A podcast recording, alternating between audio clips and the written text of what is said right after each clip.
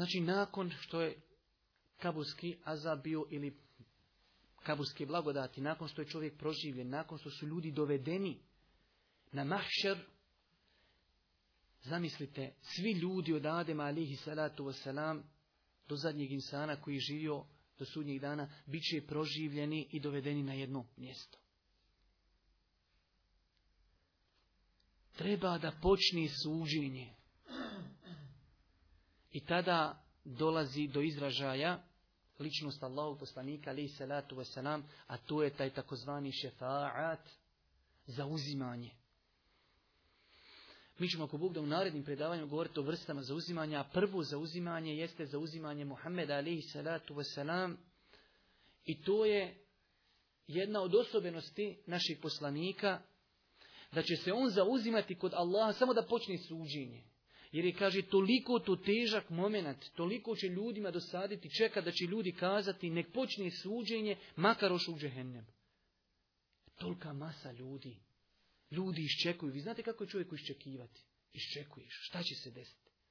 Do te mjere, kaže, će ljudi biti spremni u džehennemu, samo nek počne suđenje. I tada dolazi do izražaja ličnost Allahu poslanika koji je odabran nad ostalim poslanicima da mu je Allah Đelešanu dao tu odliku da on dođe i da se zalaži, da zagovara i da zatraži od Allah Đelešanu da počne suđenje, da uzvišeni Allah počne sa suđenjem. Taj veliki, to je takozvani el-uzma, veliki šefat. To je stvar poznata el meqam el mahmud. Spomenuta u nekim kuranskim ajetima i nekim hadisima Allahog poslanika alihi salatu wasalam. Kratko znači samo da spomenemo taj hadis i time ćemo ako Bog da završiti. Hadis je zabilježen razno raznim rivajetima, a velik broj tih rivajeta za, za, kod imama Buhari i muslima. Kaže se, kaže Allah u poslaniku jednom od tih rivajeta, kaže ja sam najodabraniji Potom Akadima alihi salatu wasalam, pa pita ona, sad znate li zašto? Kaže, zato kada se dođe na sudnji dan i kada se sunce približi na udaljenost milje, kaže, ljudima će toliko biti teško i dosadit će im da više neće moći izdržati. Pa će, kaže, tražiti nekoga da se zauzima da počne suđenje. Kaže, pa će prvo otići kome Ademo, alaihi salatu wasalam. Pa kažu Ademo, alaihi salatu wasalam, ti si osoba koju Allah Želšanu svojom rukom stvorio. Idi, zauzimaj se, nek počni, da se to riješi. Kaže Adem alaihi salatu wasalam, moj gospodar se danas rasrdio kao nikad do sada i nikada se nakon toga neće više tako rasrditi. A ja sam, kaže, napravio prijestup u džennetu. Allah Đelšanu mi je zabranio, kaže, da diram onu šeđaru, onu drvo, pa sam dirnu. Kaže, nefsi, nefsi, nefsi, tri puta, ja Šta će biti sa mnom, Bog zna. Idite, kaže, idite dalje. Idite, a, idite Nuhu. Kaže, došli kod Nuha. Svakom poslaniku spominju njegove vrijednosti. Pa kažu, idi, zauzimaj se kod Allaha subhanahu wa ta'ala za nas. Nek počni. On kaže isto, nefsi, nefsi. Moj gospodar se naljutio danas kao nikada i nikada se nakon toga neće tako naljutiti. Idite, kaže, dalje. Idite Ibrahimu, alihi salatu wasalam. Došli kod Ibrahima. Kažu, ti si Halilullah. Ti si Allahu prijatelj. Znači, tako ga Allah Đelšanu oslovljava u Kur'anu. Halilullah. Idi, zauzimaj se, nek počni. Kaže, moj gospodar se danas tako naljutio. Nije se nikad tako naljutio. I neće se nikad nakon toga tako naljutiti. Pa onda spominje i on svoje neke, ako bi ih mogli nazvati, te neke propuste pa opet kaže, nefsi, nefsi, nefsi. Ja ne znam šta će biti sa mnom. Idite nekom dalje, idite, kaže Musa'u. Došli kod Musa, ali i salatu sam, kaže, pa tebe Allah izabrao, razgovarao na turu sa tobom. Razgovor direktan. Idi volan, zauzimaj se, nek počni. Kaže, moj gospodar se danas naljutio. Naljutio se, kaže, tako kako se nikad do sada nije naljutio i nikad se neće više tako naljutiti. A ja sam, kaže, napravio prekršaj, ja sam ubio čovjeka, to je spomenut događaj u Kur'anu, a nije mi, kaže, bilo naređeno da ga ubijem. Nefsi, nefsi, nefsi. Vidite, kaže Isao, došli kod Isa, ali i salatu vasalama, što tebe Allah Đelešanu stvorio bez oca. Ti si razgovarao s ljudima iz Kolijevke, idi zauzimaj se, nek počni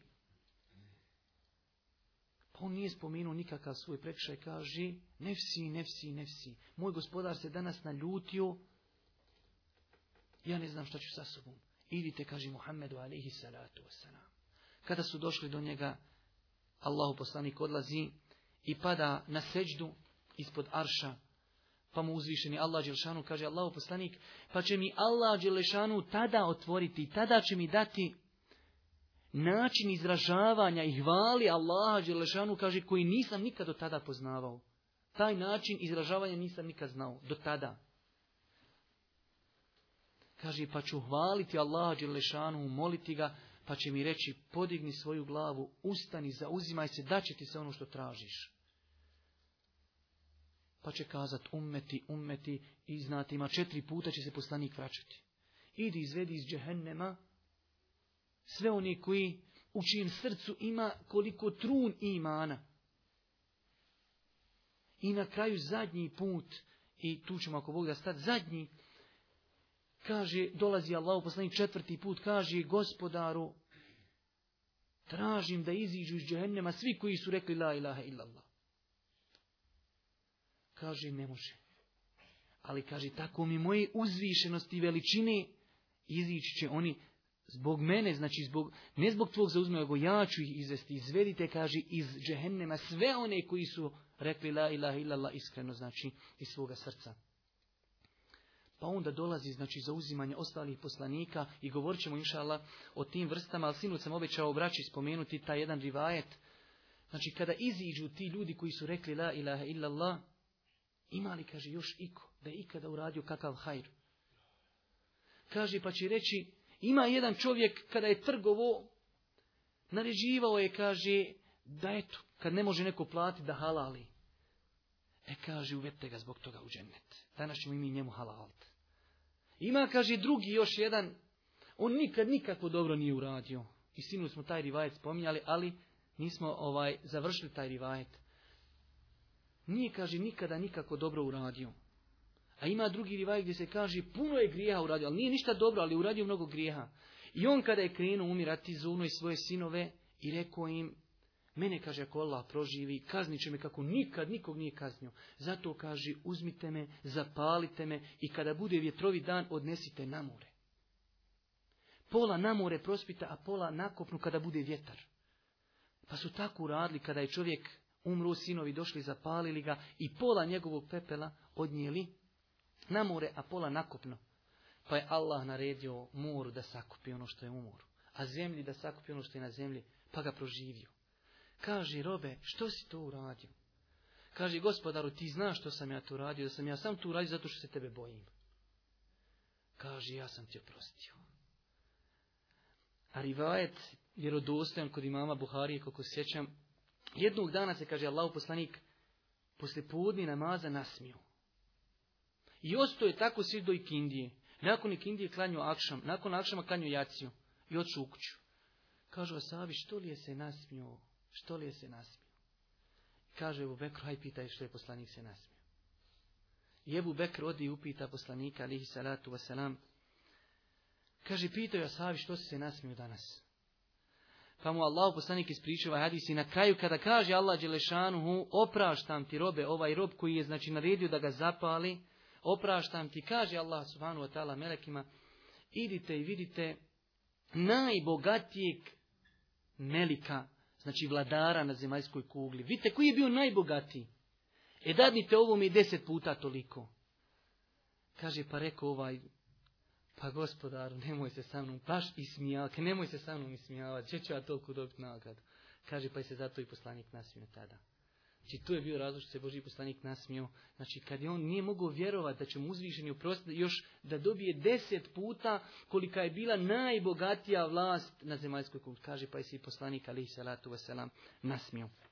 Molimo Allah Đelšanu da ono što smo čuli bude korisno za nas, za naše vjerovanje, da nas uzvišeni Allah subhanahu wa ta'ala učvrstio u teškim vremenima, da nam oprosti naše grijehe, da nam bude milostiv na sudnjem danu i na kraju subhaneke Allahumma ve bihamdike an la ilaha illa ente estagfiruke wa atubu ilaika.